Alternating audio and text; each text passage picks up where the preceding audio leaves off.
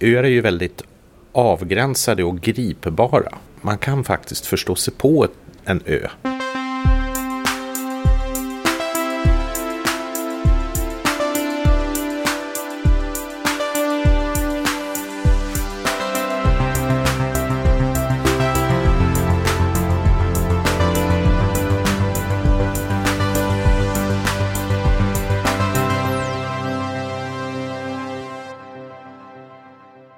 Yes. Eh, Framtiden rullar vidare från Åland. Vi är på Arkipelag Hotel och Östersjöfondens konferens Get to know your neighbor. Där vi försöker lite ödmjukt lägga ut en karta mot eh, 2049. Hur Östersjöregionen ska bli eh, hållbar och eh, klimatsmart. Jag sitter här med Christian Pleijel, programdirektör för ledarskap och förändring på KTH Executive School. Du är ju verksam i KTH men bor här utanpå, utanför um, Åland. Ja, jag bor ute i Ålands skärgård så långt ut man kan komma. En liten skärgårdskommun som heter Kökar. Och det är en ö stor som Lidingö eller Manhattan. Men vi är 235 personer och vi är en kommun och en egen ökommun och det njuter vi oerhört av. Vi har stark självkänsla, stark identitet och eh, är duktiga på att rå oss själva. Och du äh, älskar öar har jag förstått. Mm. Och forskar kring öar. Ja. Var, varför, varför blev det så spännande? Det, jag flyttade till Kökar. Min fru är från Kökar. Jag är ursprungligen svensk. Men vi flyttade till Kökar för 15 år sedan. Och då fick jag ett jobb här på Åland som skärgårdsutvecklare. Så jag skulle ha hand om skärgårdsutvecklingsfrågor Eh, Eh, det kunde gälla busstrafik eller färjor eller hälsovård eller eh, det politiska systemet eller turismutveckling. Och det jobbade jag med i fem år och då lärde jag mig väldigt mycket om öar och då blev jag önörd. Jag, jag blev helt eh, förhäxad av öar som samhällen och som miniatyrbilder av det stora samhället. Men öar är ju väldigt avgränsade och gripbara. Man kan man kan faktiskt förstå sig på en ö någorlunda. Medan jag tycker att det är svårt att förstå sig på Stockholm eller New York. Det är sådana enorma system. Men en, en ö med några hundra människor är faktiskt hyggligt eh, gripbar. Förståelig. Och eh, jag fick i uppdrag som skärgårdsutvecklare att också arbeta på Europanivån. Eh, alltså samarbeta med andra öar och då lärde jag känna ömänniskor och öar i Kroatien och Frankrike och Irland och Grekland och Tyskland. Och det var mycket fascinerande att börja se likheter och skillnader. Och ganska snart så kom jag fram till att ehm, öar väldigt ofta beskrivs utifrån någon sorts kulturell bakgrund.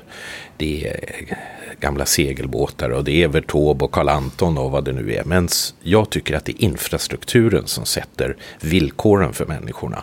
Det är energin, det är vattenförsörjning, det är också mjukare infrastruktur som rättsvård eller hälsa eller tillgång till olika till advokater, jurister eller banktjänster.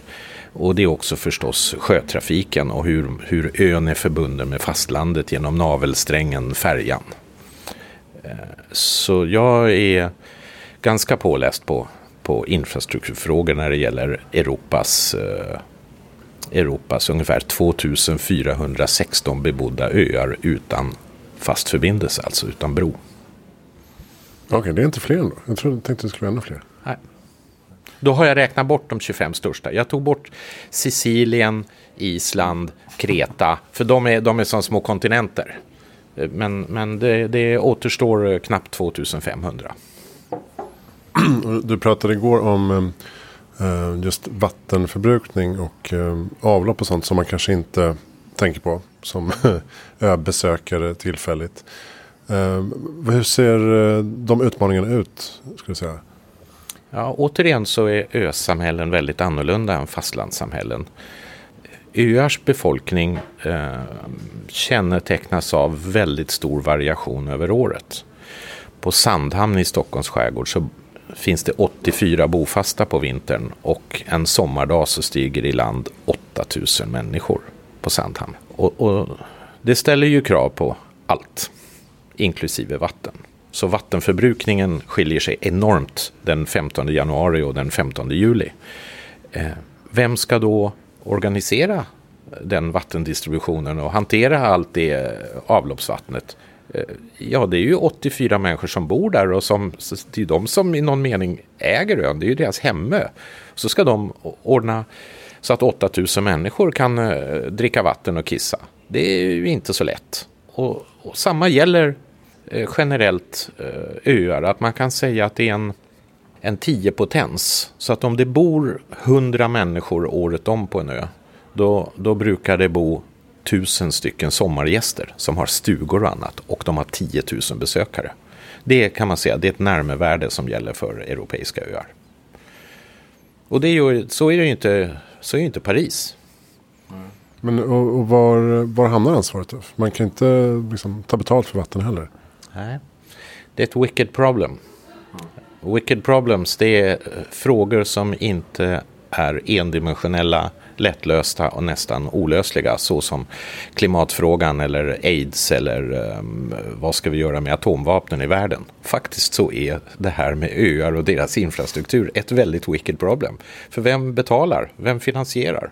I Sandhamns fall så, så har kommunen gått ut med, det finns en vattendom på Sandhamn som säger hur mycket vatten man får ta ut. Men, men kommunen har inte begränsat hur många människor som får besöka Sandhamn. Mm.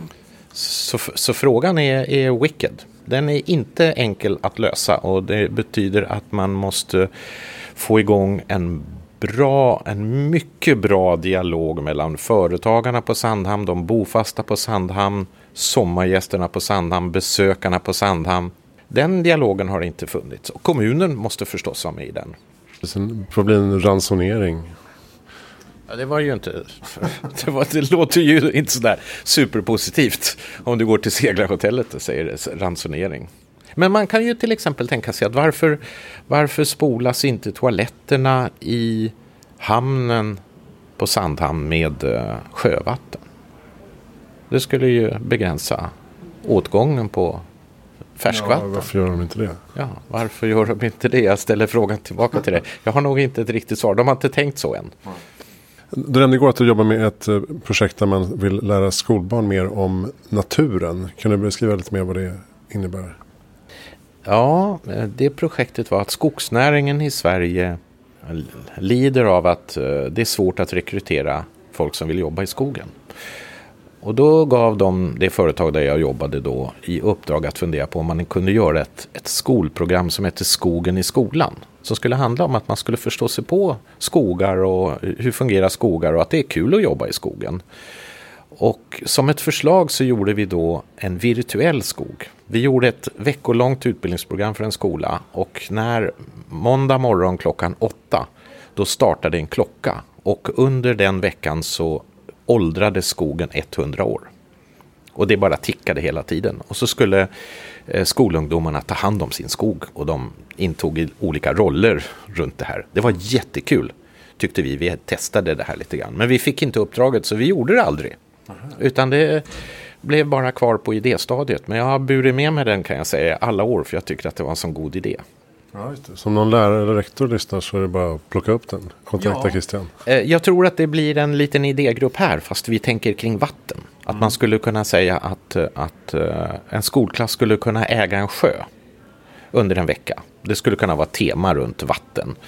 Och då skulle kanske när de börjar så börjar man med att tala om att den här sjön har existerat i 10 000 år och, och det här och det här har hänt. Nu börjar tiden rulla och så går det 100 år under veckan.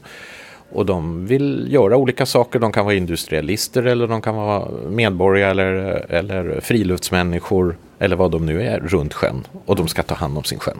Och då kan man tänka sig att det är både virtuellt men att man förstås ska besöka en riktig sjö. Ta vattenprover. Koppla ihop den, den virtuella världen med den verkliga världen. Mm. Det kan man väl applicera på många områden känns som en sån, en sån vecka. Ja, det ska jag absolut kan du beskriva lite vad du, vad du gör på KTH då? Jag är en eh, klok gammal farbror. Nej, eh, jag designar utbildningsprogram för företag.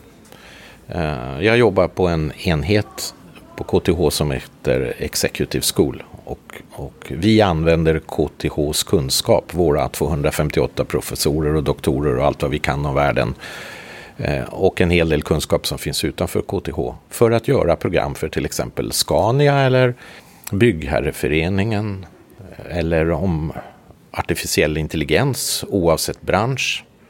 Och då har vi vuxna studenter. Vi har många tidigare elever från KTH men också andra som kommer och går eh, ett frukostseminarium eller en endagskurs eller ett program om 20 dagar utspritt över ett år. Och, och sånt gör jag. Jag designar utbildningsprogram för vuxna. Okay. Kopplar du in mycket hållbarhetsfrågor då i det? Hållbarhetsfrågorna är alltid med. Alltid. Ledarskap är alltid med. Eh, företagsekonomi är alltid med. Det finns några saker som man aldrig kan runda. Som går tvärs igenom alla ämnen. Vi, vi pratar ju med företagare, industriledare. De har alltid ett ansvar mot sina aktieägare. Men de har också alltid ett ansvar mot samhället de lever i. Och de har ett ansvar mot sina barn. Vad de lämnar efter sig. Det finns alltid med. Mm. Du nämnde kort tidigare att eh, du hade funderat lite på vad som händer efter. Om vi nu får självkörande bilar, autonoma fordon. Vad blir möjligheterna och effekterna efter det? Kan du berätta vad du menar? Ja, jag tycker det är en jätterolig fråga. Det är en sån fin KTH-fråga, för det är ju en teknologi då mm. som kommer, självkörande bilar. Och jag skulle nog inte säga om, som du sa just nu, utan jag skulle säga att när de självkörande bilarna kommer, och vi pratar om några år från nu bara, så tror jag att det kommer att innebära att vi får tillbaka våra städer. För vi har byggt våra städer, Paris och tyska små städer och Norrköping och Norrtälje. De, de byggdes ju inte för bilar. Eh, vi blev tvungna att bygga om städerna när, när eh, vi ersatte hästar och vagnar med bilar. Och, och, det innebär att vi ju till stora delar har, har förstört de urbana landskapen till förmån för att bilarna ska kunna transportera oss in och ut ur städerna. Vi har bara varit tvungna att göra det och städerna är ju inte anpassade till det. Det ser man ju så väl när man kommer till en liten söt landsortsstad. Om vi skulle, eller när eh, de självkörande bilarna tar plats så Olika forskare räknar lite olika, men en del säger att 92 procent av bilarna kommer att försvinna. Vi kommer att klara oss med 8 procent och det är framförallt om vi låter bli att äga dem. För då kan ju bilen köra mig dit jag ska och sen så far den iväg och gör någonting annat. Bilarna tar ju också mycket, mycket mindre utrymme. Man kan ju tajta ihop dem på ett helt annat sätt. Gatorna blir ju mycket trängre, alltså det utrymme som bilarna behöver. Om man nu ska parkera dem så kan de antingen åka ut ur stan och parkera sig och stå och vänta på att någon annan vill använda dem. Eller så kan de parkera sig i otroligt trånga parkeringshus. Ehm, bara att hämta barn från en hockeyträning blir ju oändligt mycket enklare med en självkörande bil. Det, det, blir något helt annat. Så istället för att tio bilar far omkring i olika väderstreck så kan man ju organisera det på ett mycket, mycket smartare sätt. Så jag tycker att eh, debatten om självkörande bilar handlar väldigt mycket om säkerhet och vår personliga motvilja mot att släppa vår käraste ägodel, bilen och all njutning som följer med det. Eh, och friheten att ha en egen bil men vi ser inte tillräckligt väl de enorma fördelar som, som kan komma med det här. Och det är ju dels trafiksäkerhet men dels att jag som älskar städer, vi tar tillbaka dem. Ja, fatta parker man kan anlägga istället för parkeringsytor. Ja, alla, alla uteserveringar, allting, allt, allt umgänge vi människor kan ha. Som vi avstår nu från till förmån för bilarna. Mm. Parkeringsgarage och så här kan ju förstås användas för de självkörande fordonen då. Mm. Eller användas som eh, eh, växthus eller liknande. Ja. Och så sker ju redan nu att en del parkeringshus och annat byggs ju om nu till lägenheter. Men den självkörande bilen tar ju mycket, mycket mindre plats och används mycket resurssmartare. En vanlig bil sådär som du och jag äger tror jag att 95 procent av tiden tror jag att den är parkerad. Mm. Jag har för mig att det är ett, ett framräknat värde. Så 5 procent av, av, tiden använder vi bilen. Då fattar man ju att någonstans är det ju inte så smart. Jag är rätt sugen på att skippa den där. Ja, jag med. Kolossen. Har ni bra eh, lästips? Ja, When Rivers Run Dry av Fred Pierce läser jag just nu. Otroligt bra engelsk vetenskapsjournalist som skriver om eh, global vattenfråga, floderna. Bra skriven, otroligt viktigt ämne. Vad är ditt bästa tips för att göra världen bättre i framtiden? Eh, var ärlig. Vem tycker att jag ska intervjua i framtiden? Vem du ska intervjua härnäst? Eh, har du intervjuat Karina Altonen? Nej. Alltså hon är våran tidigare miljöminister här på Åland och hon har varit aktiv i uppbyggandet av Emma hos Åland som fungerar väldigt bra. Hon har nu blivit eh, eh, chef för Emma hos Worldwide. Hon är en jättehäftig person. Hon sitter i rummet bredvid? Hon sitter här intill. Bra, då ska jag haffa henne. Tack snälla Christian Pleil för att du var med i Heja Framtiden. Tack snälla Christian. uh, Hejaframtiden.se, där hittar du allting. Vi... ja, det ska jag. Vi hörs nästa gång med något annat. Uh, jag heter Christian von Essen. Tack och hej från Östersjöfondens event på Åland.